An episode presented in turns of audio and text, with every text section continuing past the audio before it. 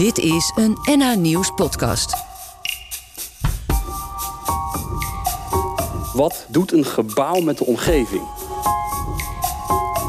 Gebouwen staan eigenlijk het grootste deel van de tijd leeg. Hoe kan je gebouwen ook activeren op het moment dat de primaire gebruiker er niet is? Mijn naam is Thomas van Leeuwen. Ik ben director partner bij Didok. Wij zijn ontwerpbureau die op een andere manier met gebouwen omgaat dan je gewend bent.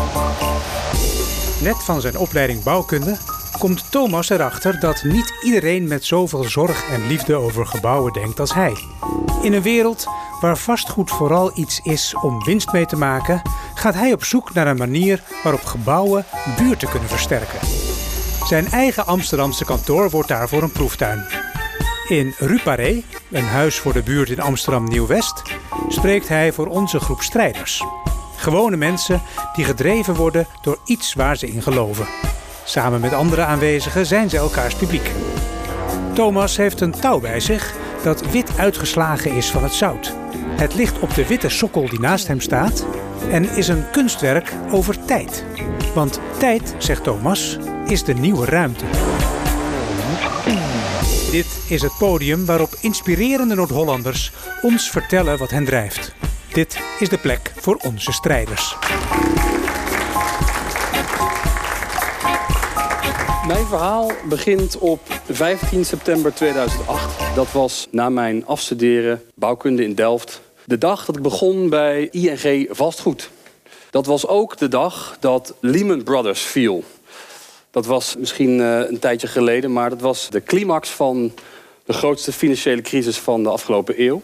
En ik was 24 jaar en uh, ik ben nu 38.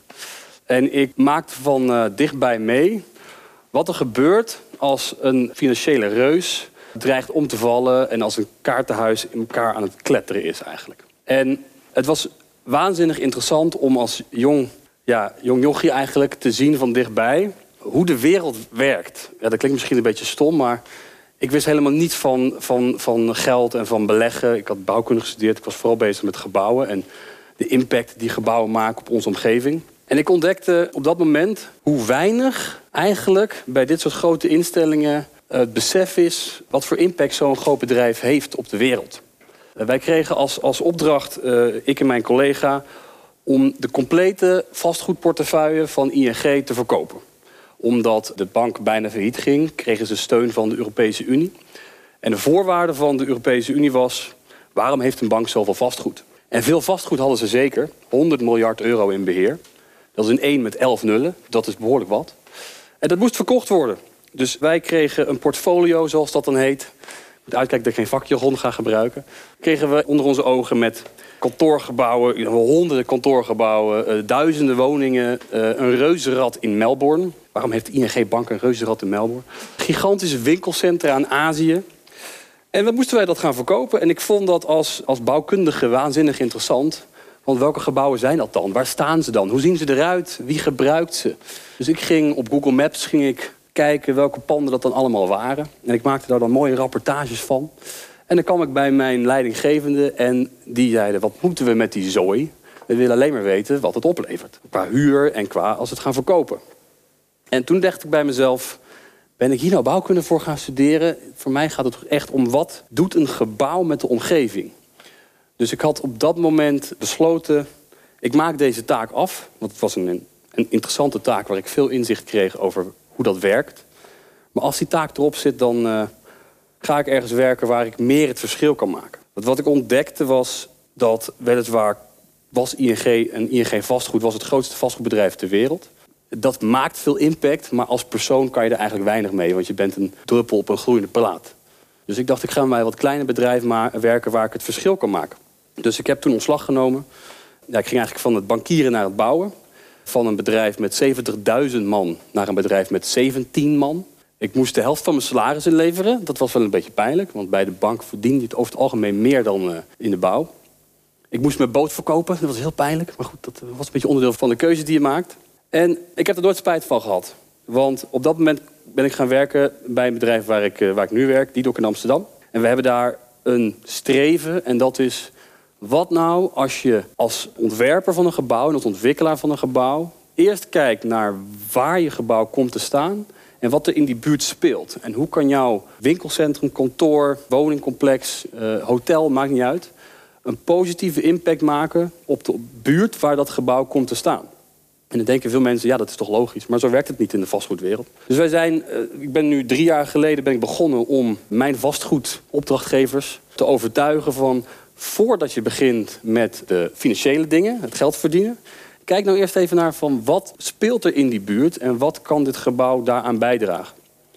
Maar dat is lastig om een vastgoedindustrie hierin mee te krijgen. Dus toen dacht ik bij mezelf, samen met mijn collega's, wat kunnen we nou doen om dit wel voor elkaar te krijgen? En het geluk wat we hebben gehad was dat we zelf bezig waren met ons eigen nieuwe kantoor. En dat hebben we een paar maanden geleden geopend bij de Houthavens, de Bocht in Amsterdam. En daar kozen we voor twee onderwerpen die heel actueel zijn in Amsterdam, namelijk stikstof en ruimtetekort. Wij dachten, waarom zijn al die gebouwen bij de Zuidas, kantoren, maar ook gewoon woningen, het grootste deel van de tijd leeg? Namelijk als iemand er niet is of er geen gebruik van maakt. Dus wij zijn gaan kijken naar hoe kan je gebouwen ook activeren op het moment dat de, de primaire gebruiker er niet is. Dus ons kantoorgebouw in de Houthavens is nu 15 functies in één. Dus overdag wordt er gewerkt door nu bij elkaar 90 man. Er zit s'avonds een restaurant in, er wordt gesport, je kan er overnachten, er zijn evenementen. Er is nu een kunsttentoonstelling, die wordt komende eh, week geopend. En daarom heb ik ook een stukje touw mee, want de kunstenaar is een beginnend artiest. En die vindt het thema tijd heel interessant. En ik vind dat tijd iets is wat in de vastgoedwereld meer moet worden gezien. Tijd is de nieuwe ruimte. Want als wij nou alle gebouwen die we hebben dubbel zoveel gebruiken... dan hebben we in feite dubbel zoveel vierkante meters. En wat ik nu zie, is dat de vastgoedindustrie graag bij ons komt in de houthavens... om te zien hoe werkt het dan precies. Een tafeltje met een laptop, laptop eraf, tafellaken en een kaarsje erop... en in één keer is het een restaurant. Het gebeurt gewoon. Kan prima. En wat we vooral zien, is dat vastgoedbeleggers nu zien... hé, hey, dat is interessant. Didok heeft dus iets voor elkaar gekregen door de buurt te verbeteren... beter gebruik te maken van de ruimte die er is. De buurt is er heel blij mee. Kunstenaars krijgen een kans. We zijn bezig met opvang voor ouderen en voor uh, vluchtelingen... omdat daar nu ruimte voor is ontstaan in het gebouw. En tegelijkertijd kan je daar ook prima wat mee verdienen. En op die manier hoop ik dat de vastgoedindustrie in de toekomst gaat nadenken... Je hoeft niet per se te beginnen met het geld verdienen. Eerst impact maken. Wat is beter voor het milieu, beter voor de planeet, beter voor de buurt, beter voor de mens. En het geld verdienen, dat volgt daarna. Dat is mijn